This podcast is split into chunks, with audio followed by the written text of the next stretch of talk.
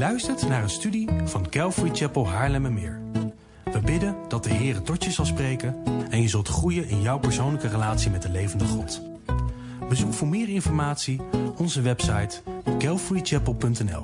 Dat is C-A-L-V-A-R-Y-C-H-A-P-E-L.nl.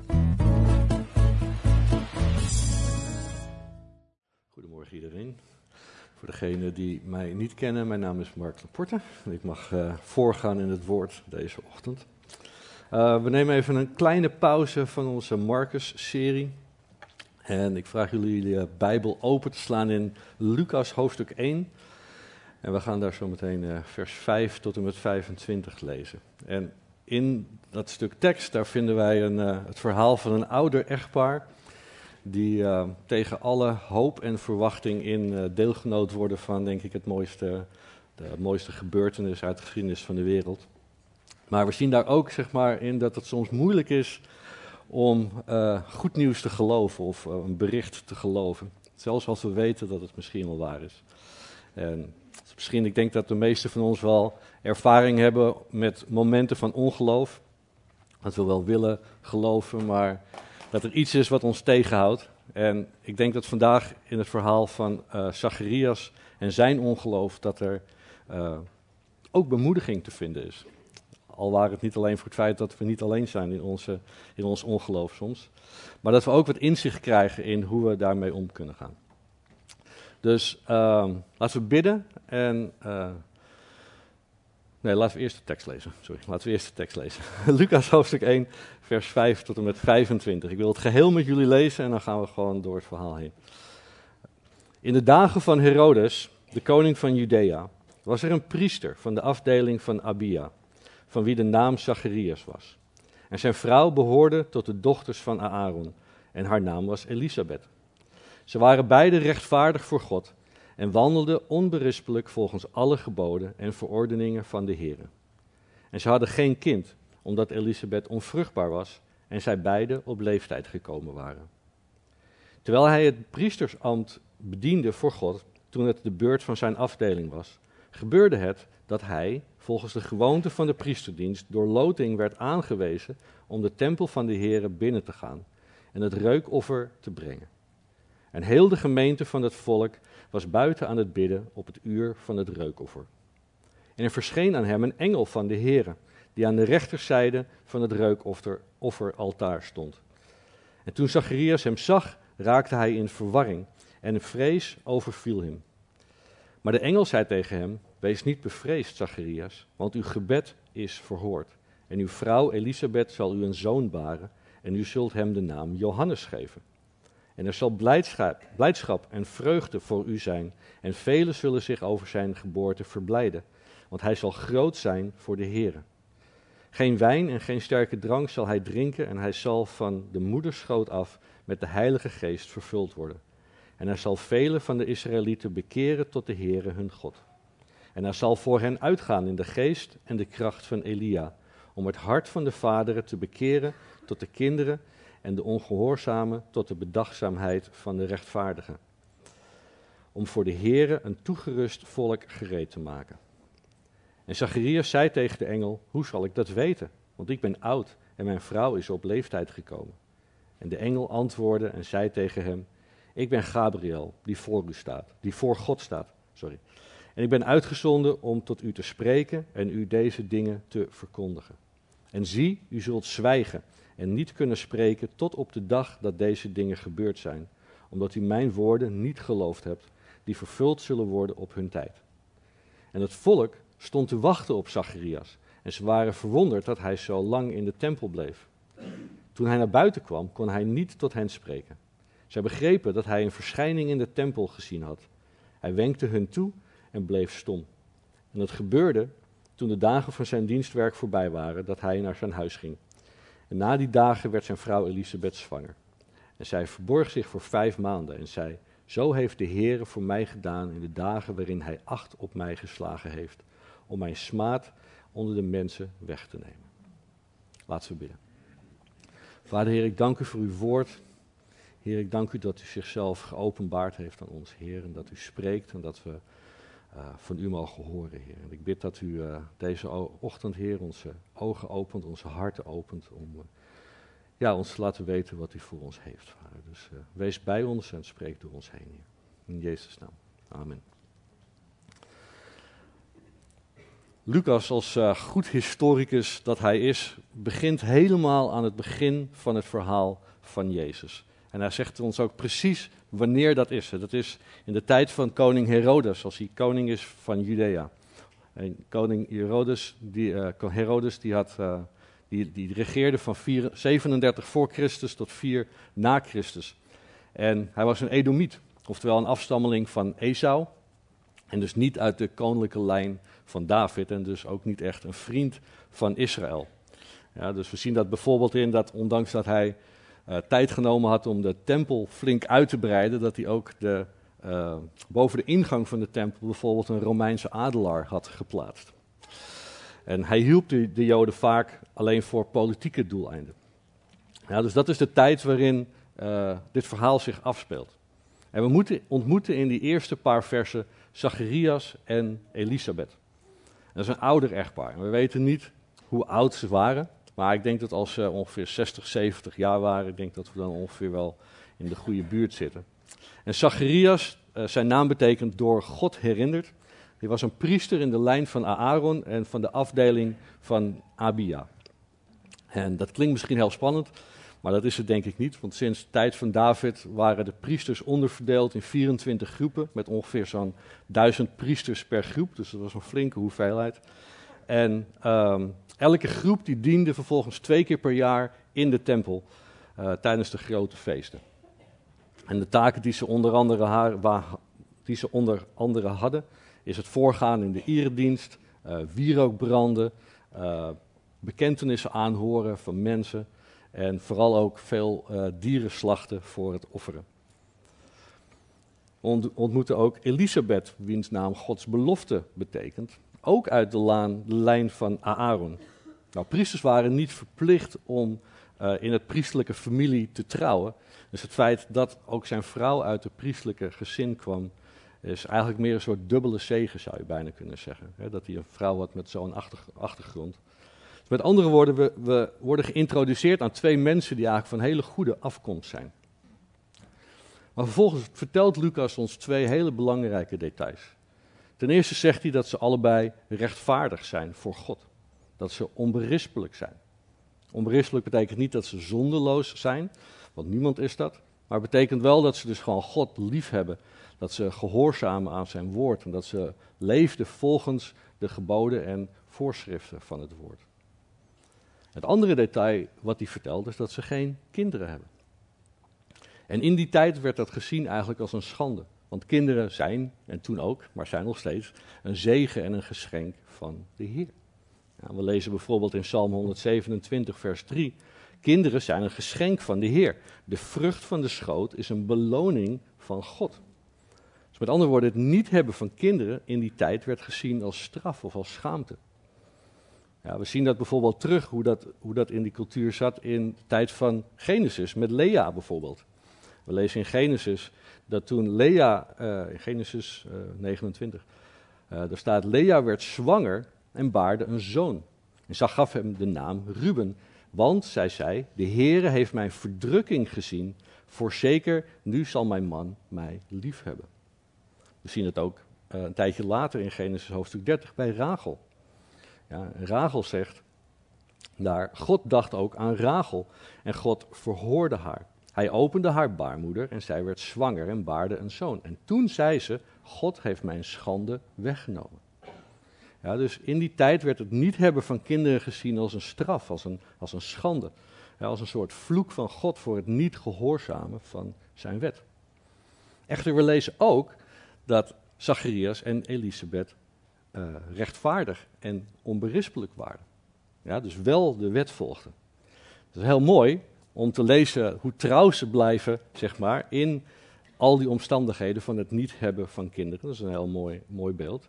Maar het moet ons ook opvallen en ons een beetje misschien rechtop doen gaan zitten, dat er hier dus iets niet klopt. Want we hebben een, een, een echtpaar wat rechtvaardig is voor God, wat dus de wet volgt, en tegelijkertijd geen kinderen heeft. Dus wat is hier aan de hand en wat gebeurt hier? En het verhaal begint eigenlijk met een soort tegenstrijdigheid. Ja. als we dan verder lezen, dan lezen we dat de, de afdeling van Zacharias, dat het tijd was voor hem om die week, een bepaalde week, in de tempel te dienen.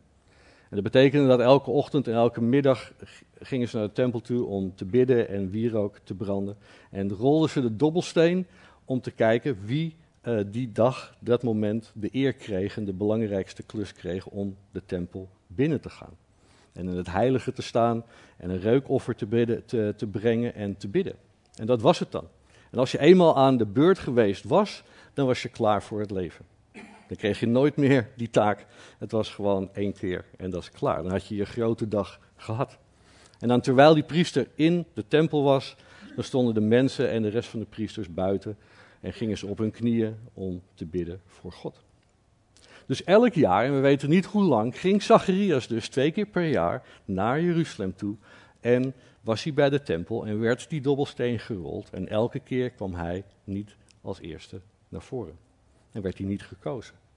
En inmiddels is hij oud en hij denkt waarschijnlijk, wanneer zal ik, of zal ik überhaupt ooit gekozen worden? Maar dan is er een dag dat de dobbelsteen gerold wordt en de beurt eindelijk aan Zacharias is. De grote dag van Zacharias is aangebroken. Misschien wel vanuit zijn priestelijk oogpunt het mooiste moment van zijn leven. En terwijl alle andere priesters en alle mensen buiten wachten, loopt hij naar binnen, de tempel in. En slechts het voorhangsel scheidt hem van de aanwezigheid van God. Dichter bij God zal hij waarschijnlijk niet komen in die zin. Dit is zijn grote moment. En hij gooit wierook en mirre op de kolen als teken van gebed. En de geur van die rook die stijgt op. En op het moment dat de mensen buiten de rook zien, gaan ze uh, buiten op hun knieën en bidden ze in stilte. En zo ook Zacharias in de tempel. Bid in stilte. Misschien wel minutenlang is er een doodste stilte. Ja, zowel in de tempel als buiten. En voor Zacharias misschien wel een van zijn meest plechtige ervaringen uit zijn leven. Dat hij daar in zijn eentje mag staan in alle stilte en rust voor God. En als goed priester, als rechtvaardig man dat hij is, we weten niet wat hij gebeden heeft, maar de kans is er groot dat hij iets heeft gebeden zoals dit. Hij zegt, God, verlos onze natie en stuur ons degene van wie Malachi, die Malachi ons beloofde. Stuur onze verlosser. En hij opent zijn ogen na dat gebed en er staat een engel voor hem. Dat is niet even schrikken, toch? Als je je ogen opent en er staat een engel voor je. En we lezen vervolgens in vers 13: Wees niet bevreesd, Zacharias, want uw gebed is verhoord en uw vrouw Elisabeth zal u een zoon baren. En u zult hem de naam Johannes, wat God is genadig betekent, geven. Dus Zacharias bidt en hij opent zijn ogen en een engel vertelt hem dat zijn gebeden verhoord zijn. Nou, dat is een goede dag. Toch? Ja, niet alleen mocht hij eindelijk de tempel binnen en een reukoffer brengen, niet alleen mocht hij zo dicht bij God komen als dat hij kon komen, maar ook zijn gebed wordt verhoord. En ik denk dat we kunnen zeggen dat een dubbel verhoring is van zijn gebed, want niet alleen het gebed wat hij daar waarschijnlijk gebeden heeft over de verlossing van Israël wordt verhoord, maar ook zijn jarenlange gebed voor een kind. Dus we kunnen zeker zeggen, als we kijken naar de namen van Zacharias en Elisabeth, dat zeker God herinnert zijn belofte. En God is genadig. En niet alleen genadig voor Zacharias en Elisabeth, maar ook genadig voor alle mensen omdat hun zoon de harten zal voorbereiden voor de komst van de Messias. Dus we zien hier denk ik de goedheid en de genade van God in volle glorie. Maar we zien ook de kracht van gebed. Ja, die kleine zin, uw gebed is verhoord, zou ons tot zoveel blijdschap en hoop moeten brengen. Dat God onze gebeden verhoort dat hij onze gebeden hoort en dat hij ze verhoort. Ja, dat God onze gebeden antwoordt op zijn manier en in zijn tijd. En hij werkt in en door onmogelijke situaties. Misschien juist liever dat hij werkt door onmogelijke situaties vond alle meer eer voor hem dan. Dus wacht en verwacht wat God kan doen in onmogelijke situaties. Maar wat een dag voor Zacharias. Maar wat doet hij? Hij gelooft de engel niet. Misschien had hij een moment van verstandsverbijstering, hè, want we lezen dat hij, uh, dat hij vrees had. Ja, hij was in de tempel, wat uniek was. En hij was aan het praten met de engel, wat uniek was. En die engel die zegt dat zijn gebed verhoord wordt, maar hij gelooft het niet. Hij twijfelt aan de woorden van de engel. En hij zegt, hoe zal ik dat weten? En dat lijkt misschien een goede vraag in dat moment, maar het toont ook zijn ongeloof. Hij wil een teken van de engel hebben. Hij wil iets meer dan alleen de woorden horen. Hij wil er zeker van zijn. Ja, hij neemt niet genoeg met het feit dat God, dat de engel dat had gezegd. Hij wil extra bewijs ja, van de waarheid van het woord van God, dat, hij dat, dat dat gegarandeerd wordt. En hij herinnert zelfs de engel aan zijn situatie. Ja, dat hij oud is, dat zijn vrouw voorbij de vruchtbare jaren is. Alsof de engel dat niet wist. Ja. Maar, God, maar, maar, sorry, maar Zacharias keek dus alleen naar het probleem. Hij staarde in het gezicht van iemand die in de aanwezigheid van God leeft. En het enige wat hij kan zien is zijn probleem. Hij kijkt met menselijke ogen naar wat mogelijk is. Maar zoals we al eerder vandaag gehoord hebben, niets is onmogelijk voor God. En ik denk, wat is hier aan de hand? Want dit is niet zomaar iemand die we lezen, dit is Zacharias. Ja? Rechtvaardig en onberispelijk in Gods ogen. Een man vol geloof. Ik denk dat als Zacharias vandaag bij ons in de gemeente zou zitten, dan zouden we zeggen, dit is een wedergeboren, volwassen christen met diepe kennis van het woord. En toch, op dat moment geloofde hij niet. Dat hij een moment van ongeloof. Is het mogelijk dat we in momenten te veel bewijs vragen, of misschien wel eisen, voordat we Gods belofte geloven? Ik denk niet dat het is dat hij niet wilde geloven, maar misschien dacht hij op dat moment gewoon dat het te mooi was om waar te zijn. Het bericht was gewoon te goed. Ja? We kunnen wellicht zo gewend raken aan het wachten op het antwoord op gebed, dat we de verwachting verliezen dat ons gebed ooit verhoord gaat worden. Wellicht wil hij zichzelf beschermen tegen teleurstelling. Wellicht wilde hij misschien zijn verwachtingen niet te hoog inzetten. En dat is zeker niet verkeerd om bewijs te vragen voor geloof, want we hebben geen blind geloof. Maar ik denk ook dat we te veel bewijs kunnen vragen voordat we Gods belofte gaan geloven. Het is niet goed, denk ik, om meer te eisen dan wat, dan wat specifiek of puur alleen nodig is voor geloof. Dat is niet, denk ik, wat God van ons vraagt. Dus misschien is dat ook wel een waarschuwing voor ons. Hoe vaak is het niet dat we, als we neergehaald worden door moeilijke omstandigheden, dat we moeite hebben het te weten dat God aan het werk is voor ons goed. Totdat we een klein lichtstraaltje van bewijs zien, wat ons weer hoop geeft dat het goed gaat komen. hoe vaak hebben we er moeite mee om God simpelweg te geloven op zijn woord of op zijn karakter? Maar God zegt hier simpelweg: vertrouw me. Ik kan en ik hou ervan om het menselijk onmogelijke te doen. Dus geef niet op met bidden, geef niet op met geloven. In een recente preek, een paar weken geleden denk ik was dat, toen had ik het verhaal verteld van mijn ouders, hoe zij uh, pas na 14 jaar voor het eerst zwanger werden van mij, als enige kind. En dus toen Heidi en ik trouwden, 17 jaar geleden, toen hing dat als een soort donkere wolk in mijn achterhoofd. Wat als dat ook bij mij het geval is. Maar wij werden al na een paar maanden zwanger van Elora. Dus die cyclus, als dat al een cyclus was, was het natuurlijk niet, maar was, hè, in mijn hoofd was in ieder geval die cyclus verbroken en was er vreugde. Maar na Elora, na onze eerste dochter, duurde het vervolgens vijf jaar voordat we weer zwanger werden.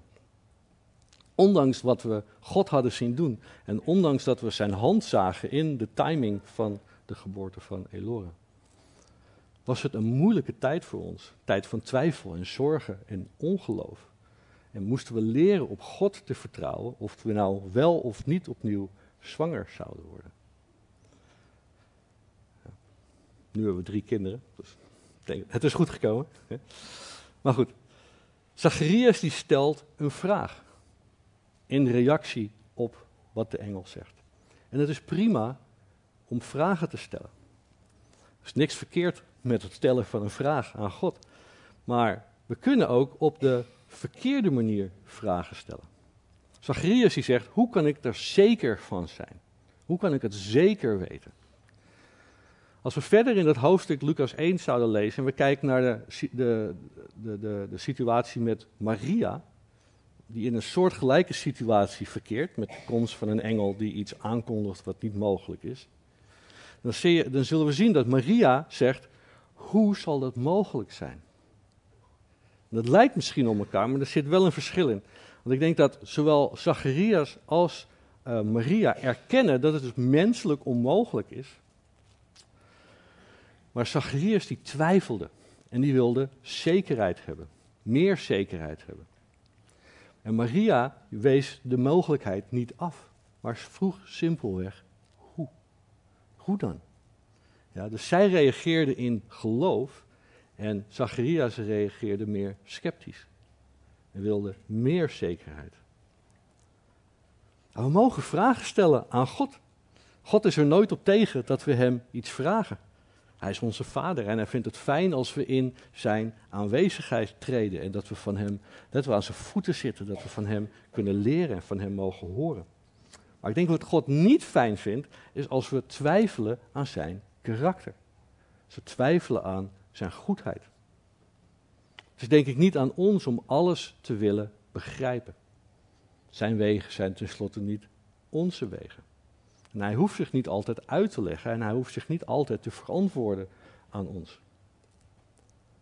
Ik denk dat het überhaupt de goedheid en genade van God is dat Hij zichzelf aan ons geopenbaard heeft. En dat we door Jezus een diepe relatie met Hem mogen hebben en Hem mogen kennen als Vader. Maar ons kennen blijft beperkt. We zien nog niet van aangezicht tot aangezicht. Dus het is niet aan ons om meer te begrijpen dan wat God van ons vraagt. En meer te begrijpen dan God aan ons vertelt.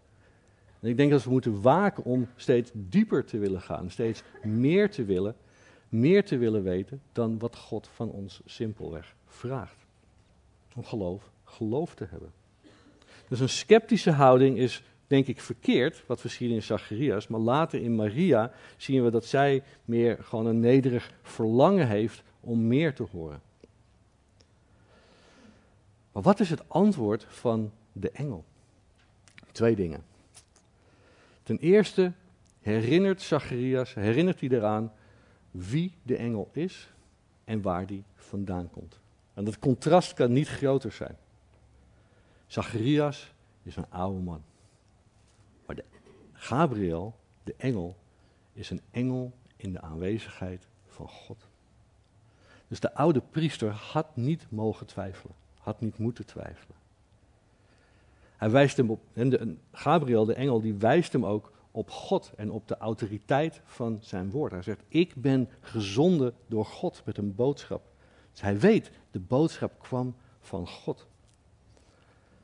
En ik denk dat dat een goede les is misschien voor ons in onze momenten van ongeloof.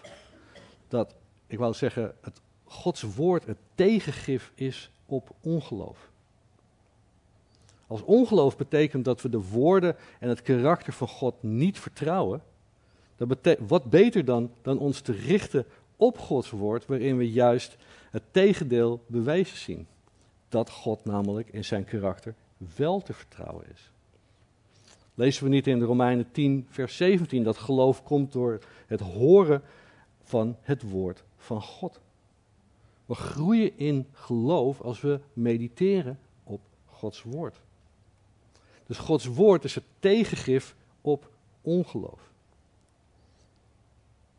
Tweede punt wat we zien is dat de engel Zacharias het zwijgen oplegt. En hij kan niets meer zeggen totdat zijn zoon geboren wordt. Vers 20 lezen we dat. En misschien kunnen we daar wel zeggen hoe zondig de zonde van ongeloof dus is in Gods ogen. Dat dat het resultaat is voor Zacharias op dat moment. Dat hij negen maanden lang niks meer kon zeggen. Dat hij er dagelijks aan herinnerd wordt, de hele dag door, dat hij door zijn ongeloof in principe God beledigd had. Kan je je voorstellen hoe dat geweest moet zijn? Überhaupt, dat je de hele dag niks zegt. Ik heb één keer, lang geleden, nu schiet me dat net te binnen, in, ons voor, in een vorige gemeente hebben we één keer een persoon gehad die had een keer een, uh, een, tijd genomen waarin hij helemaal niks wilde zeggen. En hij liep dus gewoon met kaartjes op zak de hele tijd, om dat aan mensen duidelijk te maken. Zeg maar. Hoe, hoe moeilijk is het om een hele dag niks te zeggen al? Hoe moeilijk het is het om negen maanden lang niks te zeggen? Ja. Maar ondanks zijn ongeloof op dat moment zal hij ongelooflijk blij zijn geweest met het nieuws van de engel. Ja? En wil hij dat waarschijnlijk van de daken schreeuwen. En wil hij dat aan iedereen bekendmaken, maar kon het niet. Ja. Tegelijkertijd was het ook een teken, want hij vroeg in principe om een teken van God. Hij wilde meer bewijs. Maar in principe is het feit dat hij niet kan spreken een teken van God. Want in het Oude Testament kunnen we lezen dat stomheid, het niet kunnen spreken, een teken is.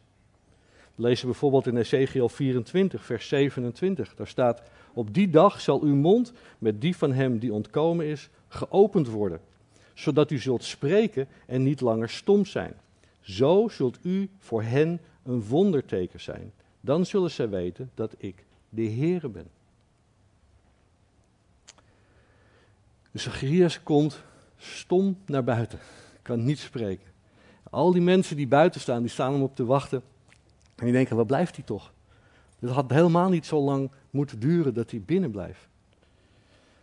En hij komt buiten. En zijn taak als priester, op het moment dat hij buiten kwam, was eigenlijk het, het zeggen van een zegen en een gebed en het voorgaan in een lied. Maar het is stil. En hij probeert misschien met wat handgebaren iets te doen. Dus ze wisten dat er iets aan de hand was. En Gods woord zegt hier dat hij een verschijning, dat men dacht dat ze een verschijning gezien hadden. En Zacharias kon dus niemand vertellen over wat er gebeurd was. Alleen hij wist dat God iets ging doen. Dat de Messias zou komen. En hij gaat naar huis en hij vertelt dat hele verhaal aan Elisabeth.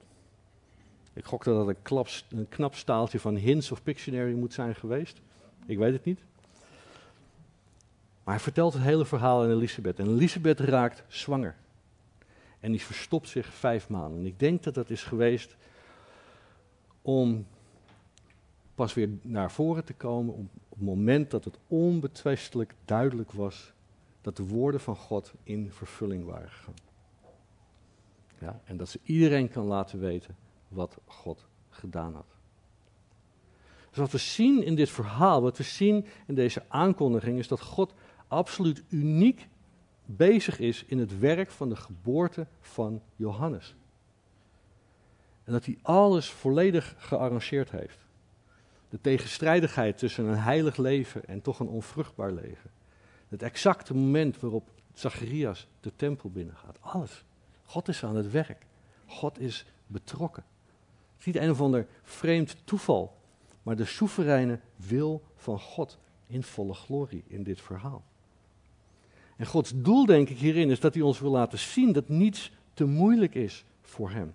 Dat hij heerst over alles en iedereen. Dat hij een plan heeft. Dat hij aan het uitvoeren is op zijn tijd en op zijn manier.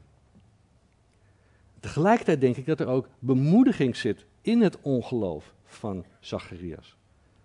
Ja. We lezen dat Zacharias rechtvaardig en onberispelijk is. Hij hield van God. Hij hield van Gods geboden en voorschriften. Hij volgde die met heel zijn hart. En toch was er een moment van ongeloof. Zelfs de beste onder ons hebben wel eens een moment van ongeloof. Dat gebeurt. Niemand vertrouwt God perfect elke dag door. Maar ondanks het ongeloof van Zacharias hield God zich aan zijn woord. En zijn gebed werd beantwoord. En ik denk dat dat boekdelen spreekt over Gods genade en Gods karakter. En dus een bemoediging is voor ons. Het kan ook zijn dat ons ongeloof consequenties heeft. Maar we lezen hier ook dat God ons niet verstoot. Ja, als we ons bekeren, als we onze hoop op Hem blijven richten, komt het goed. We lezen hier later in dit hoofdstuk in uh, vers 64, negen maanden later, na de geboorte van Johannes, acht dagen na zijn geboorte, als de naam gegeven wordt aan het kind, dat Elisabeth zegt, het moet Johannes worden, wat vreemd is, want normaal werd je vernoemd naar de vader. En uh, Zacharias die schrijft op ook, net als dat Elisabeth zegt, dat zijn naam Johannes moet zijn. En dan lezen we in vers 64, en onmiddellijk werd zijn mond geopend en zijn tong losgemaakt. En hij sprak en loofde God. Hij prees God. En meteen daarna kunnen we verder lezen dat hij vervuld wordt met de Heilige Geest en profeteert. Dus laten we niet wanhopen in een moment van ongeloof, maar zijn tucht simpelweg accepteren en ons bekeren en de Heer prijzen, net als Zacharias. Ik denk dat geloof niet een soort eenmalige inenting is die ons altijd beschermt tegen twijfel. Ik denk meer dat het, we het moeten zien als een spier die getraind moet worden. Ja, die moeten we dagelijks trainen. En als we de spier gebruiken, wordt die sterker. En als we hem niet gebruiken, wordt die slapper. En Zacharias op dat moment gebruikt zijn spier van geloof niet. Ja. Maar ik denk dus dat we niet te hard moeten zijn op onze broeder Zacharias hier. Want we hebben allemaal momenten, denk ik, in ons leven dat we zo'n moment hebben. Dus ik denk dat we een prachtig verhaal hebben. Enerzijds, enerzijds hebben we een God die zich bekommert om zijn kinderen, die ons wil laten weten dat hij intiem betrokken is in ons leven dat hij onze gebeden verhoort en dat hij boven menselijke verwachting, uh, dat hij boven menselijke verwachting in staat is in in te grijpen in ons leven. Anderzijds lezen we ook dat we misschien voorzichtig moeten zijn in wat we vragen en hoe we het aan God vragen. Maar dat we niet hoeven te wanhopen omdat God aan het werk is, ondanks ons ongeloof. Nou, als je niet een moment hebt van ongeloof, maar als je nog helemaal niet gelooft, dat kan natuurlijk ook, dan is denk ik vandaag de dag om te geloven. Ja, werp gewoon je ongeloof af. Vertrouw op Hem die wonderen kan doen, ook in jouw leven. En dat grootste wonder wat hij kan doen, is je een nieuwe schepping maken door geloof in Jezus Christus. Dus vertrouw op God en op zijn woord. Als je al wel gelooft, Geloof dan dat God je gebeden verhoort. Dat hij ze hoort en verhoort. Bid en blijf bidden in volle verwachting. En bid ook tegen de zonde van ongeloof. Laten we bidden. Vader, ik dank u, Heer, voor uw woord, Vader. Heer, ik dank u voor dit verhaal van Zacharias en Elisabeth, Heer. En hoe mooi het is om te lezen, Heer, dat ze rechtvaardig en onberispelijk leven, Heer. En dat u een machtig werk door hun heen gedaan heeft. Vader, we zijn dankbaar, Heer, dat u, dat u werkt door ons heen.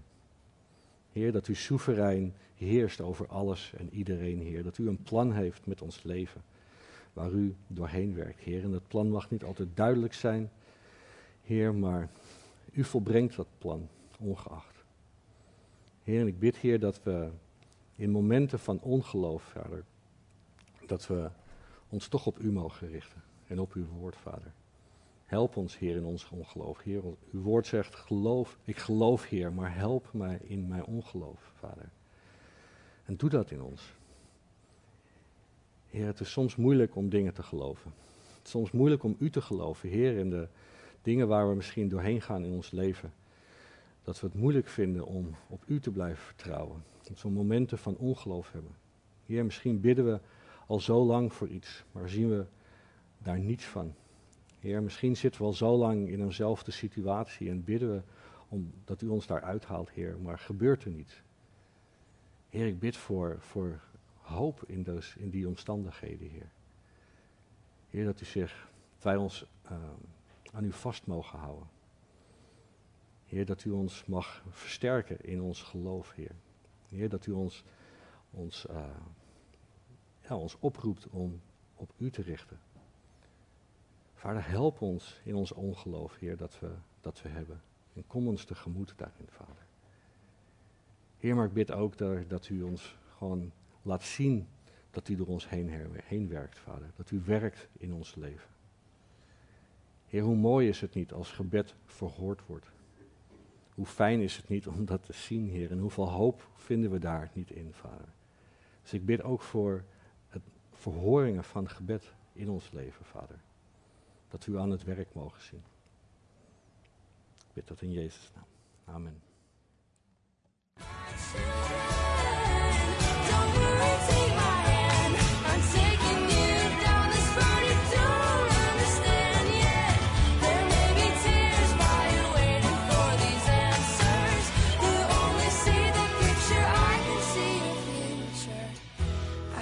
Tell you right now, it's gonna be alright.